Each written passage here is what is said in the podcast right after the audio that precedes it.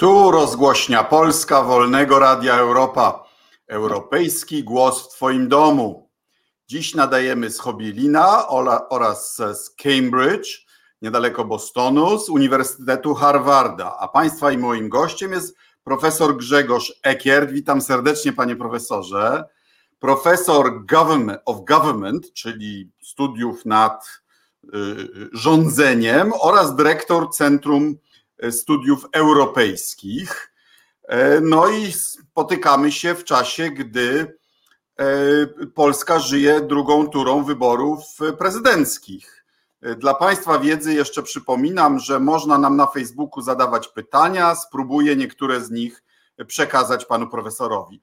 Witam panie profesorze. Czy coś pana zaskoczyło? Grzegorzu, jesteśmy na ty tak. w wyniku tych wyborów. No, dziękuję bardzo za zaproszenie. To jest e, wielka przyjemność, e, żeby z Tobą porozmawiać.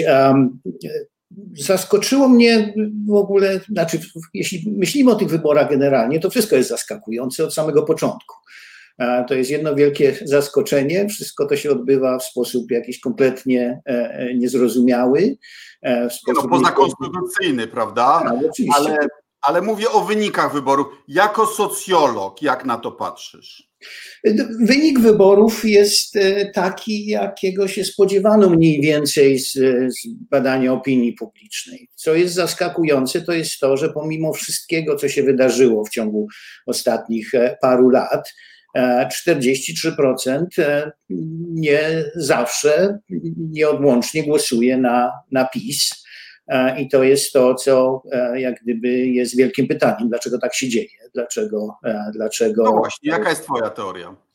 No, teoria jest taka, jest tych teorii wiele, można powiedzieć. Po prostu nastąpiła skrajna polaryzacja społeczeństwa polskiego, gdzie racjonalność w polityce w zasadzie nie istnieje. E, polityka stała się po prostu polem bitwy pomiędzy przyjaciółmi i wrogami i wszystko jedno, co, e, co e, przyjaciele zrobią, to i tak się na nich głosuje, bo na wrogów nikt nie będzie głosował. To jest czyli, taka, czyli taka organizacja, tak, plemiona. I, i to roz, i prawda, rozumiem, na wojnie jest pierwszą ofiarą i dlatego Trumpowi wolno kłamać, a, a u nas wolno mówić o, o zamachu smoleńskim i nie ma kary za nieudowodnienie zamachu. Tak, tak. tak. No, znaczy kłamstwo w ogóle w tym momencie, znaczy to jest, to jest jak gdyby taka cecha populizmu e, bardzo charakterystyczna, że cel uświęca środki. Po prostu, e, żeby wygrać wybory, żeby nastąpiło to ostateczne zwycięstwo nad tymi wstrętnymi wrogami, wszystko jest dozwolone. Po prostu nie ma żadnych reguł w tym, w tym momencie cywilizowanych, e, e, e jakichś e, zwyczajów dobrych w polityce i tak dalej, i tak dalej. I to widać po prostu na każdym kroku. Jest to widać, to widać w Ameryce. Popatrz, no 41% e, społeczeństwa amerykańskiego uważa, że Trump robi świetną robotę, jest wspaniałym prezydentem i natomiast pozostałe 60% w ogóle budzi się codziennie rano ze strachem, żeby otworzyć gazetę, co nowego wypłynęło, jaką rzecz zrobił, co powiedział i tak dalej. E, I to jest, i, i wiesz, to jest tragedia takiej spolaryzowanej, spolaryzowanej polityki. E, pytanie jest dobre. No, Stany Zjednoczone powoli przestają być wzorem demokracji dla nas. To, ta rola pieniędzy w polityce, czy to, to, to, to te, te manipulacje okręgami wyborczymi, to nie jest coś, co jest godne naśladowania. No nie, to, na, to demokracja amerykańska e, zawsze była, e, e, była inna niż demokracje europejskie, które tak naprawdę są wzorem dla, wzorem dla Polski. Demokracja amerykańska jest instytucjonalnie inna. Demokracja amerykańska toczy się w bardzo wąskim kręgu wyborczym. E, poniżej 50% ludzi tak naprawdę bierze udział w wyborach i w, i w polityce. Istnieją potężne nierówności polityczne e, i dostęp do, e, do, do, do urzędów, do władzy i tak dalej. Próbowano sobie z tym radzić od, od wielu lat, na przykład system tych, tych prawyborów, który został wprowadzony do, został wprowadzony do zwyczajów wybierania kandydatów amerykańskich, miał być takim sposobem zdemokratyzowania sposobu wyłaniania kandydatów, że nie panowie z cygarami w tylnych pokojach załatwiają sobie rzeczy, tylko lud głosuje. No i obróciło się to kompletnie w drugą stronę, ponieważ ci, którzy biorą udział w prowyborach, to są radykalni, e, radykalni aktywiści, którzy wybierają najbardziej radykalnych kandydatów. E, I, i to powodowa, spowodowało radykalizację całego systemu politycznego amerykańskiego i tą polaryzację, którą, którą codziennie widzimy na każdym kroku. I to na wszystkich poziomach po prostu, nie, nie tylko na, na, na poziomie polityki, ale na poziomie społeczeństwa obywatelskiego. Widzimy to w mediach w tej chwili, które, które są bardzo też spolaryzowane. Więc to jest, wiesz, to jest po prostu e, problem z, wielki z, z polaryzacją, przez którą przechodzą wszystkie, czy większość krajów demokratycznych w tej chwili. Mhm. Patrzysz chyba na ekran, kamerę masz trochę wyżej, będziemy lepiej widzieli, jeśli spojrzysz w kamerę. W, w, maju tego roku udzieliłeś dużego wywiadu tygodnikowi Polityka, w której powiedziałeś, że w Polsce skończyła się demokracja, bo demokracja to jest taki system, w którym rząd może przegrać, a w Polsce już nie może. Podtrzymujesz to zdanie? Znaczy, podtrzymuję to zdanie w tym sensie, że, e, e, że skończyła się demokracja e, tak, jak ideał demokracji jest rozumiany. Powiedzmy, zadam Tobie pytanie, tak? Jeśli Trzaskowski wygra w drugiej rundzie wyborów, czy jesteś pewien, że ten wynik zostanie uznany przez partię rządzącą? Czy masz jakąś gwarancję, że grupa posłów PiSu nie wniesie sprawy do sądu konstytucyjnego, że e, e, wybory zostały ogłoszone niezgodnie e, z konstytucją? To znaczy, sam spekulowałem, że gdyby, na, gdyby dzisiaj, gdyby w pierwszej turze wynik był odwrotny, to znaczy Trzaskowski miał 43, a Duda 30, to uważam, mielibyśmy w tym tygodniu stan klęski żywiołowej. Bo Prawda? Y, z tego, co się słyszy, to ta Izba Cywilna Sądu Najwyższego nie jest w pełni upartyjniona na jeszcze. No tak. A, odesłanie sprawy wyborów do Trybunału Konstytucyjnego byłoby absurdalne, bo on się tym nie zajmuje. Tak. Ale no przecież mamy już absurdalną sytuację, w, w terminie, który w żaden sposób nie wynika z konstytucji, tak? Więc wszystko można. No więc dokładnie, na, na, tym, na tym polega problem, tak? bo po prostu demokracja to jest taki system, e, który przede wszystkim jest przewidywalny. E, Daniel Bell kiedyś e, w latach 50. został zapytany przez, przez jakiegoś polityka, panie profesorze, co te nauki są w stanie przewidzieć, te, te socjologie różne i nauki polityczne? No i na to Daniel Bell powiedział, wie pan co, ja mogę przewidzieć, że za cztery lata odbędą się wybory prezydenckie w Stanach Zjednoczonych i albo demokrata, albo republikanin wygra te wybory. Na to ten polityk popatrzył mówi, proszę pana, czy pan zwariował? No to jest oczywiste zupełnie. Na to Bell mówi, a dla ilu krajów na świecie mógłby pan taką prognozę e, e, e, spowodować, czy wy, wy, wypowiedzieć. Tak? I to jest dokładnie na tym to polega, tak? że, że w, w prawdziwej demokracji rzeczy są przewidywalne. Wiadomo, jaka będzie kadencja, A, wiadomo, kiedy no będą wybory. Wiadomo, wschodniego sąsiada w Rosji też jest przewidywalne.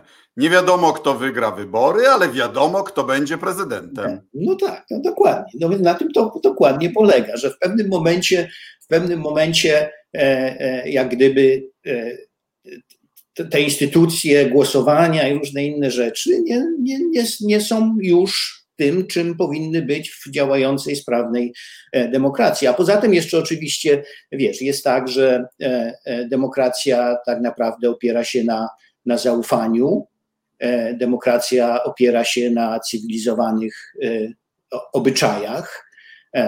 I na kompromisie. Na kompromisie, na, na tolerancji. I na uznaniu drugiej strony. Tak jest. Prawa drugiej strony do istnienia, tak? tak Druga strona jest może, może też sprawować władzę i to nie jest koniec świata i że się i, i że jest też częścią społeczności, a nie zewnętrznym wrogiem. Tak, dokładnie. To jest, to jest to demonizacja opozycji, jest po prostu tą cechą, która jest niedemokratyczna, ale, ale jeszcze wiesz, można się nad tym zastanowić, e, że e, są reguły, które są nieformalne w demokracji, których się nie powinno przekraczać, e, ponieważ ty możesz przegrać wybory w następnym razem i też chciałbyś, żeby twój głos jakoś miał znaczenie na, na arenie politycznej. To, to jest, wiesz, to jest niesłychane, że, że w, w, takim systemie wyborczym każde wybory to jest bój ostatni. O wszystko.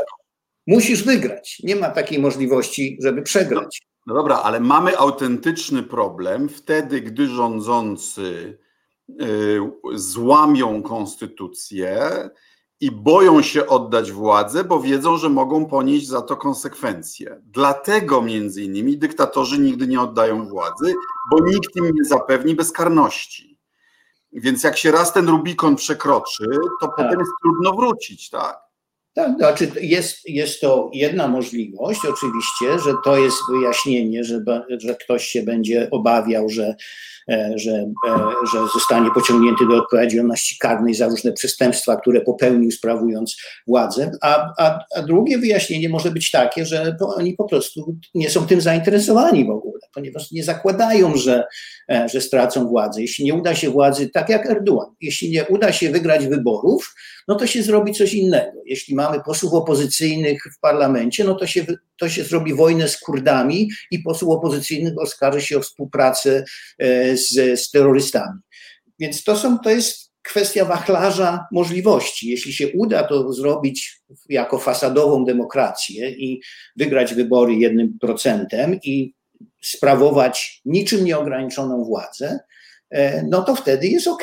Natomiast jeśli, jeśli się nie uda wygrać jednym procentem, to wtedy są inne możliwości, e, w jaki sposób można władzę utrzymać. Ja, wiesz, wydaje mi się, że po prostu w Polsce z tego względu w tym momencie tak naprawdę wszystko jest możliwe. To nie jest już system demokratyczny, to jest, to jest rodzaj despotii, która jest miękka, jest to demokracja fasadowa, różne inne rzeczy, można, różne terminy można do tego użyć, ale, ale w momencie, kiedy szary poseł e, w parlamencie e, rządzi krajem, kiedy każda jego decyzja jest wykonywana przez wszystkie konstytucyjne organy władzy, to tak naprawdę nie, nie możemy mówić. Ale nie do końca, bo jednak szeregowy poseł chciał wyborów w maju, e, a część posłów jego koalicji się postawiła. No Gowin, krótko mówiąc, i paru tak. jego ludzi. I, I Kaczyński wbrew swojej woli tych wyborów nie przeprowadził. No bo drugi szeregowy poseł miał inny pomysł, wiesz, no ale, ale jak na to popatrzysz z tego punktu widzenia, wiesz, to nie były ciała konstytucyjne, które podejmowały decyzje, parlamenty, sądy, różne inne rzeczy, tylko dwóch szeregowych posłów miało po prostu różne zdania na... na, na dwóch liderów partyjnych, dwóch liderów partyjnych w tym sensie. No dobra, a jak się z populizmu wychodzi? Tak. E, czy, czy, czy i, i, tak, żeby po pierwsze to było pedagogiczne, żeby była nauka na przyszłość, żeby było jakoś elementarnie sprawiedliwe, ale jednocześnie bezkrwawe i, no i żeby budowało wspólnotę, a nie, a nie, a nie znowu było triumfem tylko jednej opcji. Wiesz, wyjście z populizmu e, w momencie, kiedy on zaszedł tak daleko, e, że, że przestał być demokracją, jest po prostu e, ponowieniem procesu demokratyzacji. I teraz. Okrągły stół? Tak, tam, znaczy, znaczy są, wie, wiemy jak jest, w jaki sposób się społeczeństwa demokratyzują. Społeczeństwa się demokratyzują na cztery sposoby. Jeden sposób demokracji to, demokratyzacji to jest pakt, że po prostu obie strony dogadują się ze sobą E, żeby coś takiego nastąpiło, to muszą być pewne warunki spełnione, na przykład e, władza musi być podzielona, e, żeby była słabsza i żeby można się było dogadać z pragmatykami, którzy, którzy są u władzy. I Pewnie jeszcze można wymyślić na przykładach historycznych kilka różnych warunków, ale pakt jest jednym sposobem, w który, w który się odbudowuje. Południowej Afryki, tak, Hiszpanii, Franco i Polski. Oczywiście Polski i Węgier do pewnego stopnia i tak dalej. To jest jeden sposób. Drugi sposób to jest, że się zmusza kraj, żeby został demokracją i to jest przykład powojennych Niemiec i Japonii, kiedy okupanci e, powiedzieli, proszę bardzo, musicie wprowadzić instytucje demokratyczne i nie macie nic do gadania. Tak? To jest to jest, to jest druga metoda. I potem są, są dwie metody jeszcze, które, które są bardziej e, masowe niż, niż elitarne. E, to jest taka rewolucja oddolna, z użyciem przemocy, która potem przerasta w demokrację. Mamy bardzo mało takich przypadków. E, Kostaryka jest jednym, można myśleć o Rumunii jako, jako przykładzie. Ukraina do pewnego. Może tak. No i ostatni sposób dochodzenia do demokracji to jest taka masowy ruch społeczny, oddolny, e, reformistyczny, przy przeprowadzony przez Organizację Społeczeństwa Obywatelskiego, który doprowadza do, do upadku demokracji, znaczy do e, rządów autorytarnych. Tak sobie można wyobrazić na przykład to, co się stało w wielu krajach w Europie Wschodniej w 1989 roku. E, to nie był pakt, to co się stało w, w Czechosłowacji, czy to, co się stało we wschodnich Niemczech, prawda? To były takie po prostu obalenie reżimu oddolnego w sposób bez przemocy. Czyli, czyli są, takie, są takie, tak naprawdę w literaturze istnieją cztery takie możliwości. Teraz jaka, jaka możliwość się stosuje do Polski? E, ja myślę, że po prostu nie ma innego wyjścia niż nowy pakt. E, e, dogadanie się z zaczynającym się dzielić pisem, czy z częścią PiSu na temat tego, jak powinna wyglądać Polska po ich rządach. Mhm. I największym problemem oczywiście tego przejścia będzie następna gruba kreska. Czy opozycja wyrazi zgodę na zapomnienie tych wszystkich rzeczy, które się wydarzyły w ciągu tych ostatnich pięciu lat, czy miejmy nadzieję nie, nie, nie dłużej, e, i, i czy zwolennicy opozycji będą w stanie taką grubą kreskę znowu E, zaakceptował. Będzie to tym razem skrajnie trudne, bo nasz elektorat ma wielką pretensję o to, że myśmy nie dość e, konsekwentnie rozliczyli poprzedni okres rządów PiSu. Tak, ale wiesz, wracając do twojego, e, do twojej uwagi na początku, jeśli grubej kreski nie będzie, jeśli ci ludzie będą świadomi tego, że z biur ministerialnych wylądują w więzieniu, to nie będzie żadnego paktu. To, to jest, to jest no, za daleko. A na ile według Ciebie, bo to na, na, różnych konferencjach się słyszy, że właśnie to problem jest Polski, Węgier, na ile to jest specyfika y, postkomunistyczna, a na ile globalny y, odwrót od demokracji i y, triumf tych silnych emocji wspólnotowych? Wiesz, nie ma wątpliwości co do tego, że jest to, że jest to trend globalny, e, bo widzisz rządy populistyczne i odwrót od, od liberalnej demokracji w wielu miejscach. E, Trump bardzo chętnie by odszedł też, tylko że niestety system amerykański jest trochę za silny, e, żeby mógł to zrobić, ale w wielu miejscach jest to, jest to widoczne. Pytanie jest oczywiście za milion złotych, e, skąd się to wzięło i dlaczego, i dlaczego tak jest. E, polaryzacja jest efektem tego. E, natomiast ja myślę, że jak gdyby źródłem największym tych wszystkich problemów, które są różne w różnych miejscach, one się różnie przejawiają, różnie się toczą, różne siły biorą górę w różnych miejscach i tak dalej, jest to, że przechodzimy przez gigantyczną, nową rewolucję ekonomiczną i, i społeczną.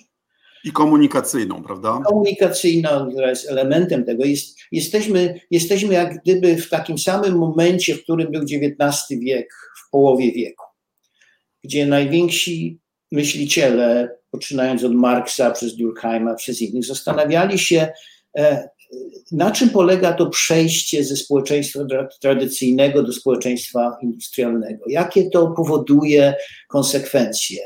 Kto jest e, tutaj poszkodowany? Kto wygrywa? I Oczywiście jest pełno, wtedy było różnych koncepcji, jak to się odbywa i tak dalej. W, tym momencie jesteśmy mniej więcej w takiej, takiej samej sytuacji. Jeśli popatrzysz dookoła, w zasadzie wszystko się zmienia w sposób fundamentalny. Zmieniają się, zmieniają się hierarchie statusu. Zawody, które kiedyś były e, cenione i szanowane, nagle przestały być cenione i szanowane. Inne zawody, które kiedyś nie istniały, nagle stają się e, bardzo e, intratnymi, intratnymi zawodami. Zmienia się sposób organizacji produkcji, zmienia się sposób tego, w jaki sposób my kupujemy różne rzeczy, e, w jaki sposób pracujemy. E, ta pandemia w tym momencie jeszcze jak gdyby podkreśla i uwypukla te różnice, które się pojawiają. Więc następuje taka zmiana gigantyczna we wszystkich możliwych dziedzinach. Tak naprawdę nie ma jednej dziedziny. W Polsce, zgodziłbyś się, jest jeszcze jeden element. Jesteśmy y, ponoć tym krajem na świecie, który ma największą taką skokową różnicę między osobami powyżej 40 i poniżej 40, y, jeśli chodzi o religijność. No to jest prawda, tak, tak, ale, ale wiesz. Młodzież przestała chodzić do kościoła, a w ogóle Polacy, dla mnie to zdumiony byłem globalnym badaniem e, Pew, tak. Y, że proporcja Polaków chodzących do kościoła jest w tej chwili taka, jak proporcja muzułmanów chodzących do meczetu. Tak. Ja myślałem, że tam, tam jest to dwukrotnie wyższe. Tak. Nie, ja, ja, myślę, że fundamentalizm religijny, który, który widać w Polsce e, bardzo wyraźnie, zarówno na szczeblu e, episkopatu, jak i, jak i wśród wierzących, e, jest takim bardzo charakterystycznym elementem dla Polski, ponieważ on jak gdyby dokłada paliwa do, e, do ideologii nacjonalistycznej, do, do, do pomysłu wyjątkowości Polski, do pomysłu e, wiesz, Chrystusa narodów i tak dalej, i tak dalej. To jest, e, to jest bardzo, ważne, bardzo ważny element, ale, ale myślę, że w, w przypadku Polski masz dużo paradoksów, ponieważ jest to kraj, który jako jeden z niewielu na świecie w ciągu ostatnich 30 lat wzbogacił się do takiego stopnia, E, że wylądował w hierarchii najwyżej rozwiniętych ekonomii e, świata. Jakbyś kiedykolwiek zapytał socjologa e, w dawniejszych latach, czy kraj, który odnosi takie niesłychane sukcesy ekonomiczne, będzie miejscem, w którym, w którym pojawią się różnego rodzaju ruchy fundamentalistyczne, to po prostu ten socjolog na pewno nie, nie przyznałby, że taka możliwość istnieje. Czyli, czyli to, co się dzieje, to jest sprawa kulturowa. Dokładnie, czyli nie baza określa nadbudowę, tylko tak. to się wszystko dzieje, prawda? W, tak. Na zachodzie, Zachód jest dzisiaj bardziej w tym sensie naukowo-marksistowski niż my, bo, bo szuka zawsze ekonomicznych wyjaśnień. Tak. A Polska jest doskonałym przykładem, że nie o to tu chodzi. Tak, ale wiesz, ja jeszcze mam, mam takie wrażenie, bo jak, jak, popatrzysz na proces modernizacji kulturowej, który jest bardzo szybki i, i, i bardzo dogłębny w ciągu ostatnich 50 e, lat, społeczeństwa zachodnie, e, na Zachodzie ten proces modernizacji kulturowej odbywał się stopniowo przez tych, okres tych 70-80 lat po wojnie. E, gdzie te społeczeństwa, jak gdyby, wiesz, e, e, krok po kroku przyzwyczajały się do różnych nowych pomysłów kulturowych. Natomiast w Polsce przez komunizm ten system został jak gdyby zamrożony. Wiesz, ja byłem na przykład zaskoczony w pewnym momencie, kiedy się zastanawiałem nad hierarchiami zawodów. Jak popatrzyłeś na hierarchię zawodów w przedwojennej Polsce, gdzie inteligenci profesorowie byli na samym szczycie drabiny. I popatrzyłeś pod koniec komunizmu, to ta hierarchia była dokładnie taka sama. Tak? Czyli jakieś normy kulturowe zostały zamrożone przez, e, przez e, system komunistyczny. Ta modernizacja kulturowa nie nastąpiła i nagle w 1989 roku to się wszystko otworzyło jak lawina I ci ludzie, którzy nie zdawali sobie z tego sprawy, jak świat wygląda i gdzie on zaszedł i jakie wartości teraz obowiązują, nagle przez pierwsze 10 lat byli zaszokowani tym wszystkim, co się dzieje kulturowo, a potem zadecydowali, że tego nie lubią. Tak? I stąd się bierze, wiesz, to stąd się bierze ta, ta siła Kościoła katolickiego, stąd się bierze ta siła społeczeństwa obywatelskiego, tego nieliberalnego, które jest. Także to jest, wiesz, to jest odpowiedź na gigantyczny proces zmian społecznych na całym świecie, e, który ma swój specyficzny, kulturowy e, e, smak ze względu na specyficzną historię Polski w ciągu ostatnich stu lat. Globalizacja poszła bardzo szybko, naruszyła tradycyjne struktury tożsamości tak. i um, i mamy y, y, grupę naszych rodaków, którzy uważają, że ich świat y, ginie, że oni się tylko bronią. I co więcej, mają sporo racji, prawda? Tak, oczywiście, że tak. To jest, to jest paradoks też do pewnego stopnia, bo e, popatrzysz na Trumpa, Trump ma rację w pewnych sprawach. E, wypowiada to w sposób obrzydliwy. Na, na obronność państw NATO, no ale on broni tej do, dominacji e, białych Amerykanów, tak, która nieuchronnie demograficznie się kończy. Tego, ale też oczywiście broni broni e, ten, ten cały środek Ameryki, który jest jak gdyby wykluczony z rozwoju ekonomicznego, to fakt, że oni są biali, to, to, to jest in, nieco inny wymiar. Natomiast, natomiast masz obszary nędzy w tej chwili i takiego, e, wiesz, upadku rozwoju ekonomicznego w całych połaciach Ameryki. To jest jego elektorat. To są ludzie, którym on mówi: Słuchajcie, będzie tak, jak kiedyś było. Pootwieramy z powrotem te sklepy i te fabryki i to wszystko, i będziecie znowu klasą średnią. E, więc w tym ma rację też. Ma rację, jeśli chodzi o Chiny. Chiny są...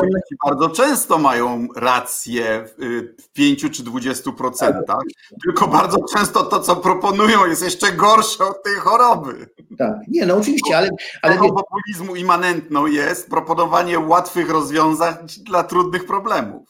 Ale wracając, wracając do tego wiesz, porównania do XIX wieku, e, jak popatrzysz e, na film Ziemia Obiecana, czy przeczytasz książkę, to, to jest ten moment, w którym umierała kultura szlachecka w Polsce. Te dworki, to wszystko. I, I to było takie nostalgiczne, tak? Bo to, bo to szkoda tego było, bo to było dobre, trwało wieki, e, dawało podstawy do różnych rzeczy, które się działy i tak dalej, i tak dalej. Dzisiaj mamy trochę taką samą sytuację. Te, te, te, te normy kulturowe wypracowane przez e, e, w XX wieku i tak dalej, nagle zaczynają się rozpływać, rozmywać i, i, i, i ci ludzie są tym wiesz, zaskoczeni, zestresowani, życie się toczy zupełnie inaczej, to, co było ważne w przeszłości, już nie jest ważne. Trudno jest zrozumieć to, co się dzieje. E, kiedy jak masz problem e, z, z posługiwaniem się komputera, to nie pytasz się swojego dziadka, żeby ci poradził, jak to zrobić, tylko musisz zapytać się wnuka, e, który ma 6 lat. Wiesz, to jest świat, który dla wielu ludzi jest kompletnie niezrozumiały.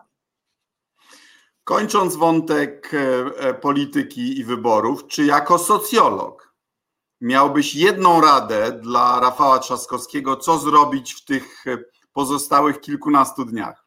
Ojej, to jest, to jest strasznie trudne pytanie.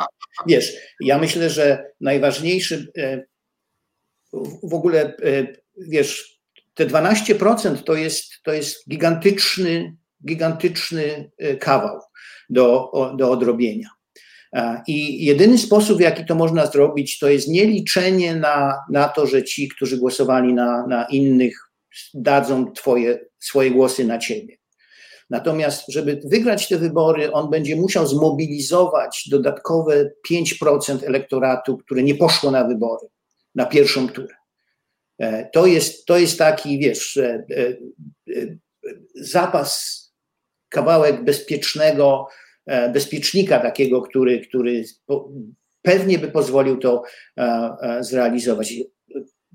Licząc na, wiesz, na przepływ pewnej ilości głosów, ale właśnie ten, więc ja bym, wiesz, starał się jak najbardziej jeszcze spróbować zmobilizować ten, ten dodatkowy, dodatkowy elektorat, który, który nie poszedł. No Polonia w tym razem się zmobilizowała, 380 tysięcy rejestracji, tak. teraz już ponad pół miliona. Y, a ponieważ Trzaskowski wygrał w pierwszej turze y, za granicą, y, no to to jest potencjał grubo ponad 100 tysięcy głosów netto za granicą.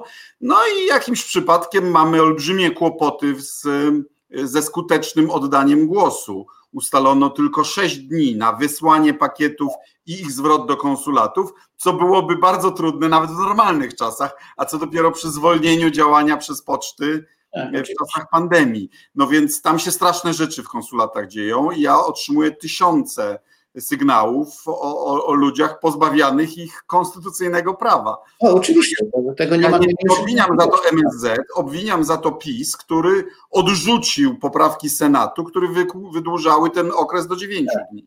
To, tak. to zrobili świadomie. Tak, oczywiście. No, dlatego to wraca do początku naszej rozmowy. E, czy to jest demokracja dalej, prawda? Kiedy, no kiedy... Bo, bo, bo, bo pole gry jest tak przechylone na rzecz władzy, że no, graj sobie, tak, ale trudno wygrać. Oczywiście, oczywiście tak jest.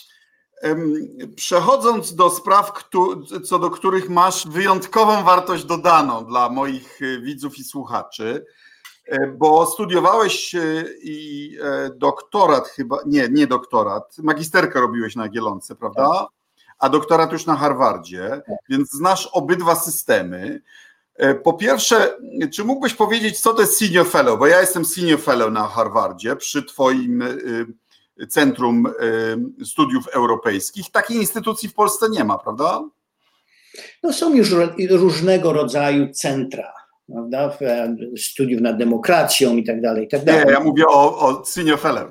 A, o senior fellow mówisz, tak, no dobrze. To senior fellow to jest funkcja honorowa, którą się różne instytucje e, na amerykańskich uniwersytetach e, oferują osobom, e, które są na tyle widoczne i dystyngowane, E, że są ważnym dodatkiem do działalności tych instytucji. E, są, e, mogą się spotykać ze studentami, mają coś do zaoferowania, coś do powiedzenia. Jest tych centrów kilka na Harvardzie, każdy z nich ma grupę senior fellows. I to jest taka honorowa, honorowa funkcja i oczekiwanie takie, że ta osoba będzie partycypowała w pracach E, w pracach tego centrum i będzie doradzała w, w różnych sprawach, które są związane z, z kierunkiem działalności itd., tak itd. Tak Czyli to jest Twoja funkcja. A propos, nie wiem, czy wiesz, że ja mianowałem kilkudziesięciu profesorów. No, ja jako minister, tak? Jako minister obrony okay. w uczelniach wojskowych.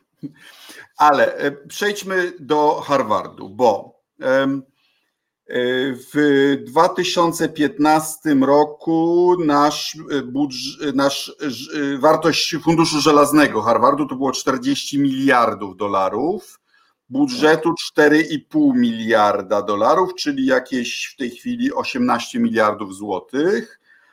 Budżet polskiego szkolnictwa wyższego to jest jakieś 10 miliardów złotych, czyli Harvard ma budżet prawie dwa razy większy od całego polskiego Y, szkolnictwa wyższego, ale przecież nie zawsze tak bywało, tak? Znaczy Akademia Krakowska y, w XIV wieku była znaczącym centrum europejskim. Harvardu w ogóle nie było. Harvard powstał jako mały college stanowy w XVII wieku, tak? No Nawet nie stanowy, tylko college do kształcenia te pastorów. Pastorów, tak. No, dzisiaj jest najbardziej prestiżową y, uczelnią na świecie.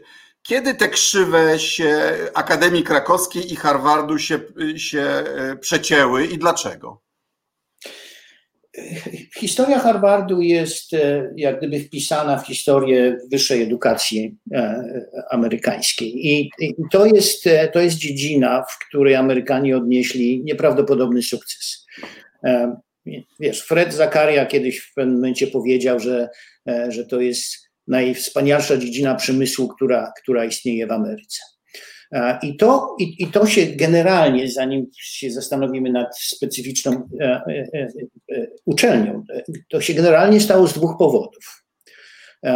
Pierwszy to był, to był wzrost ekonomiczny Ameryki, który, który pod koniec XIX wieku i na początku XX wieku zaowocował e, pojawieniem się niezwykle bogatych rodzin, które, które fundowały uniwersytety, e, które wspomagały wyższą edukację i tak dalej, i tak dalej. I, ta, i ten trend kontynuował, toczył się przez, przez następne kilkadziesiąt lat. E, a drugą stroną, która zadecydowała o o, o tym, że amerykańska akademia jest tak wspaniała, był faszyzm i komunizm, e, który wygnał z Europy tak?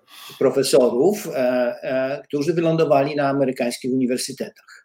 I, i, i, I te 50 lat ostatnie to są jest jak gdyby moment, złoty moment Akademii Amerykańskiej, która była wiodąca na świecie, w zasadzie we wszystkich dziedzinach.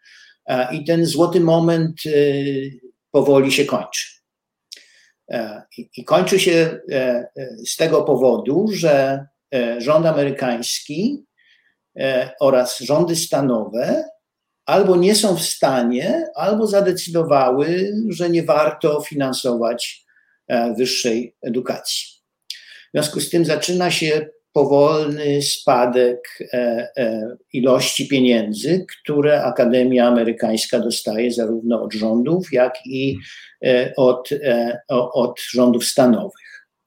Na dodatek jeszcze zmieniła się zupełnie wizja filantropii.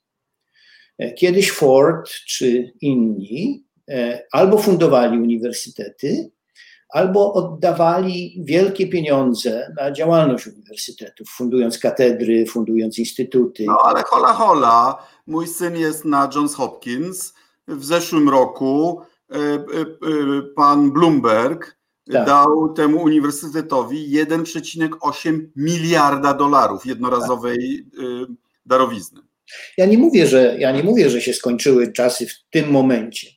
Natomiast jest tendencja w świecie filantropii, e, żeby szybko osiągać znaczące sukcesy e, w taki sposób, żeby fundować własne instytuty, zatrudniać własnych uczonych, ekspertów i robić rzeczy samemu. Tak robi Gates na przykład. Prawda? To są, wiesz, to są największe pieniądze, które 100 lat temu pewnie ufundowałyby gigantyczny uniwersytet gdzieś, a dzisiaj on sobie zarządza swoimi pieniędzmi i robi różne rzeczy, na które on ma ochotę. On nie chce współpracować z uniwersytetem, bo on wie, że, e, że i, e, zabierze pięć lat, zanim ci zajęci profesorowie, którzy muszą aplikować o granty i uczyć, robić różne rzeczy, e, wyprodukują mu ekspertyzę.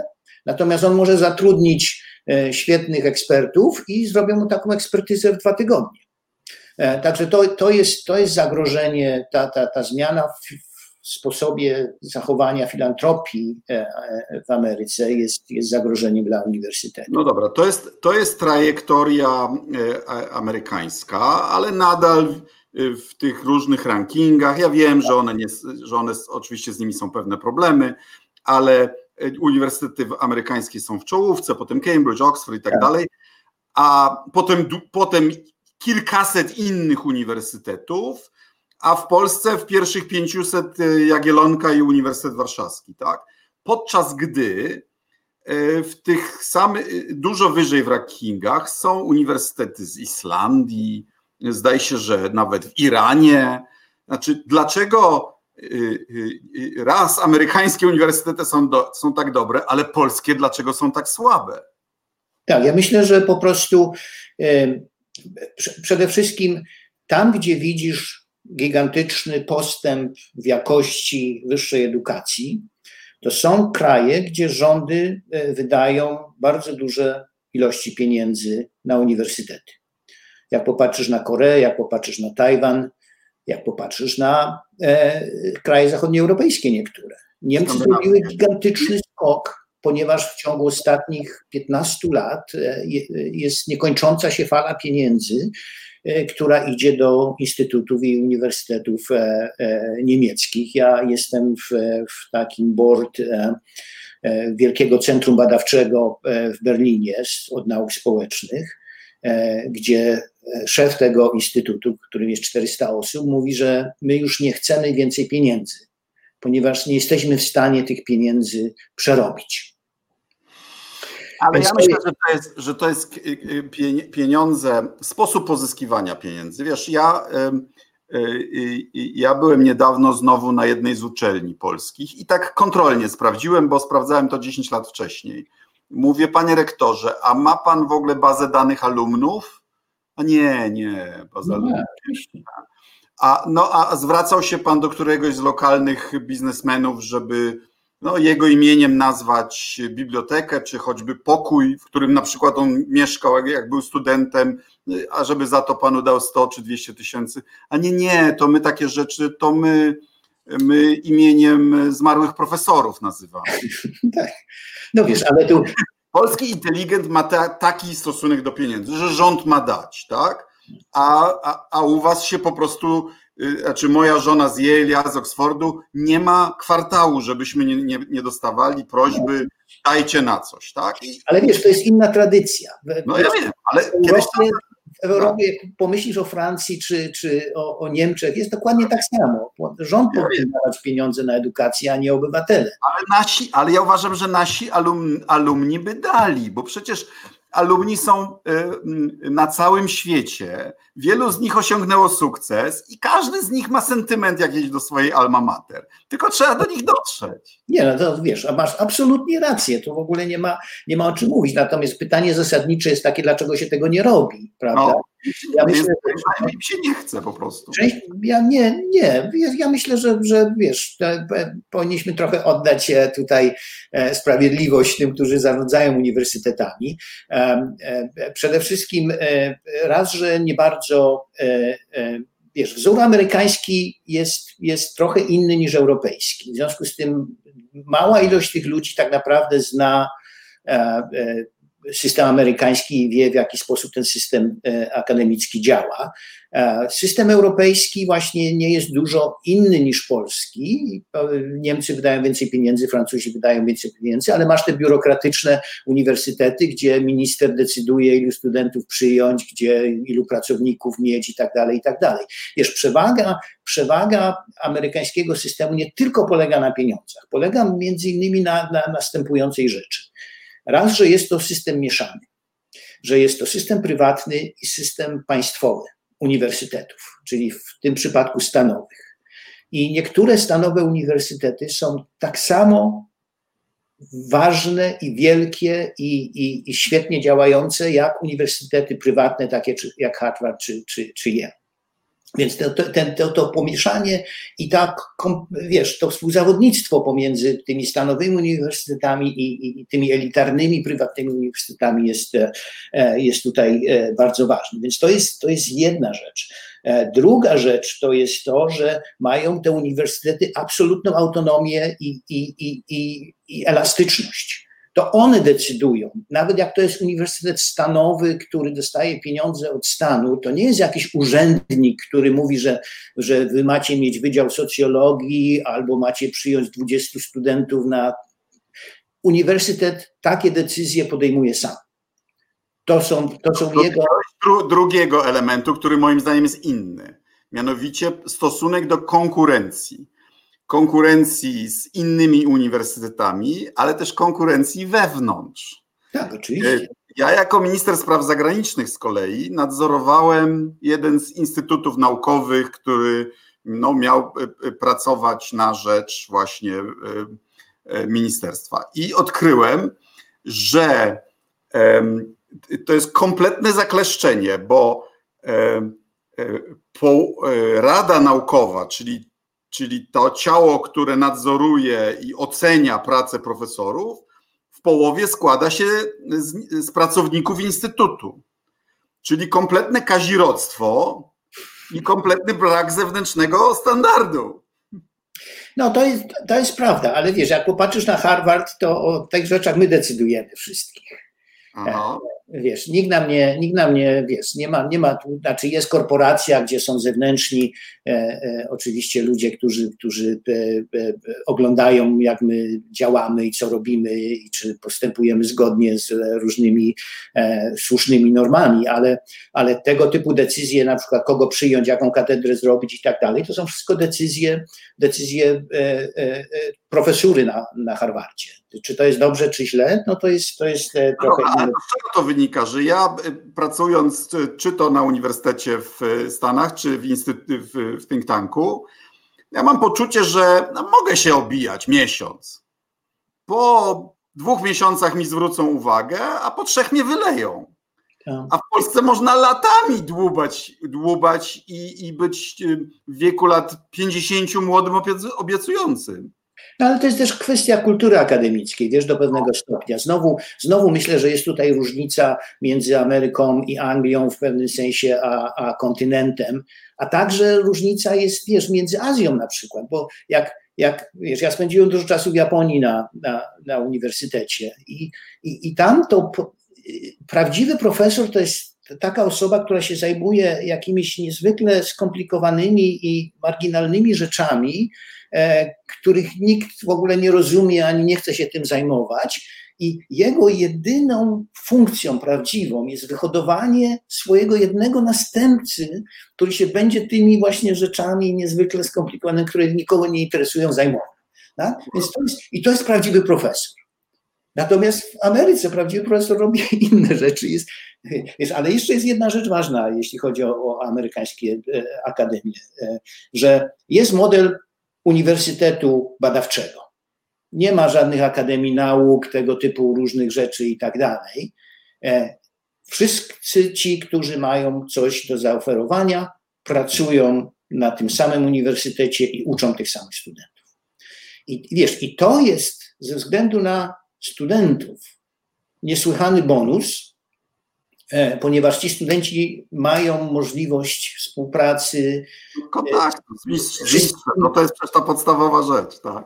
To jest raz. A poza tym to wytwarza, wiesz, takie dodatkowe współzawodnictwo wewnątrz uniwersytetu. Wiesz, jak ja dostałem permanentną, najwyższą profesurę e, e, na Harvardzie, mając 45 lat, E, ktoś znajomy się zapytał, no dobrze, no to teraz możesz przestać kompletnie pracować e, i, już do końca życia przez następne, wiesz, 30 lat. Teoretycznie tak. Robić. A ja mu powiedziałem, wiesz co, e, przyjdź kiedyś na nasze zebranie zakładu i zobacz moich kolegów.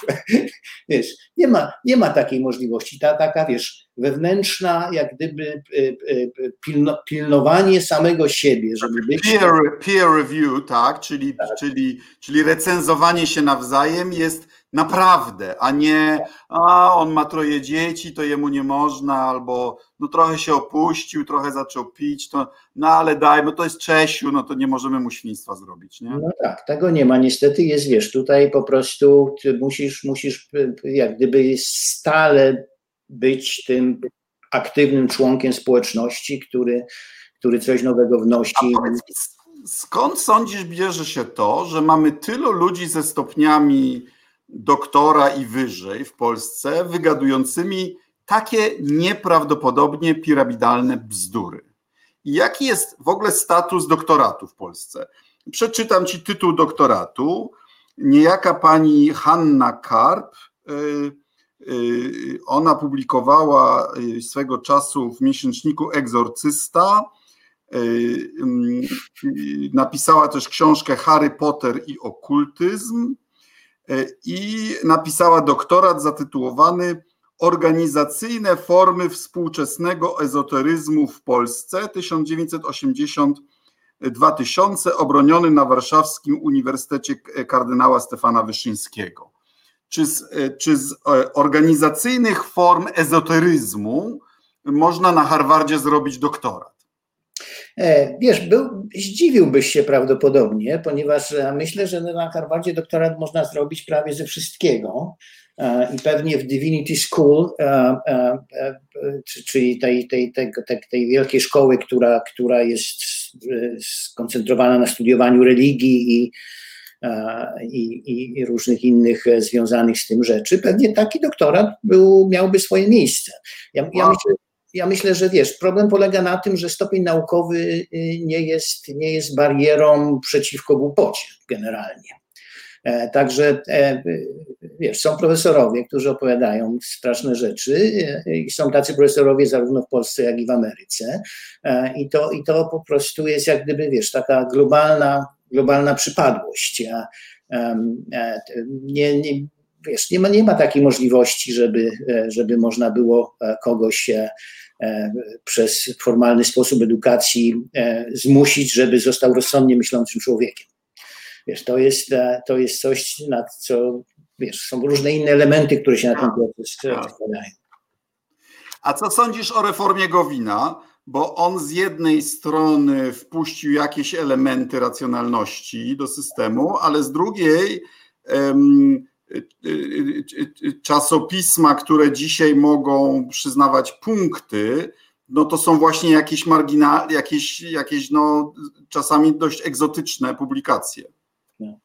Wiesz, ja na tyle nie, nie, nie, nie znam szczegółów reformy, żeby, żeby się wypowiadać na ten temat, e, natomiast myślę, że te wszystkie elementy takie bardziej competition, które, które się tam znalazły, są słuszne. E, z czasopismami e, to jest na dłuższą rozmowę oczywiście, bo proces fragmentacji nauki we wszystkich wymiarach w tej chwili postępuje w tak szybki sposób, E, i potrzeby robienia karier przez ludzi e, e, są tak wielkie, że, że te poletka naukowe się zmniejszają w zasadzie z każdym następującym rokiem i mnożą się ilości czasopism i tak dalej, i tak dalej. Więc to trzeba jakoś, jakoś zdawać sobie z tego sprawę. Ja myślę, że, że błędem jest to, co zrobili Brytyjczycy, że, że rozliczają uczonych z opublikowania iluś tam stron druku każdego roku. To jest, to jest duże nieporozumienie po prostu, bo jakość e, wydawnictw naukowych się bardzo tutaj obniżyła właśnie, właśnie z, tego, z tego powodu. Więc to jest. To, więc to, to jest jedna rzecz. Druga rzecz, ja myślę, że to, że nie zniknęło, e, nie, nie zniknęła docentura i habilitacja w systemie, to jest, e, to jest duży błąd. No, środowisko się obroniło, prawda? Tak, tak. To tradycyjne środowisko Wiesz, ja myślę, że, że w ogóle Akademia w tym momencie znajduje się w, na całym świecie, w momencie wielkiej zmiany. E, I, i, I COVID i pandemia, jak gdyby dołożyły do tego e, e, swoją ważny, swój, swój ważny wymiar. Ponieważ jak się nad tym zastanowisz tak naprawdę, to od paru wieków uniwersytet się nie zmienił. Przychodzi jakiś facet, który przez godzinę opowiada coś grupie ludzi, którzy siedzą na krzesłach, patrzą się w niego i słuchają. No to w naukach humanistycznych, tak? Bo jednak. Tak, no ja wiem, tak.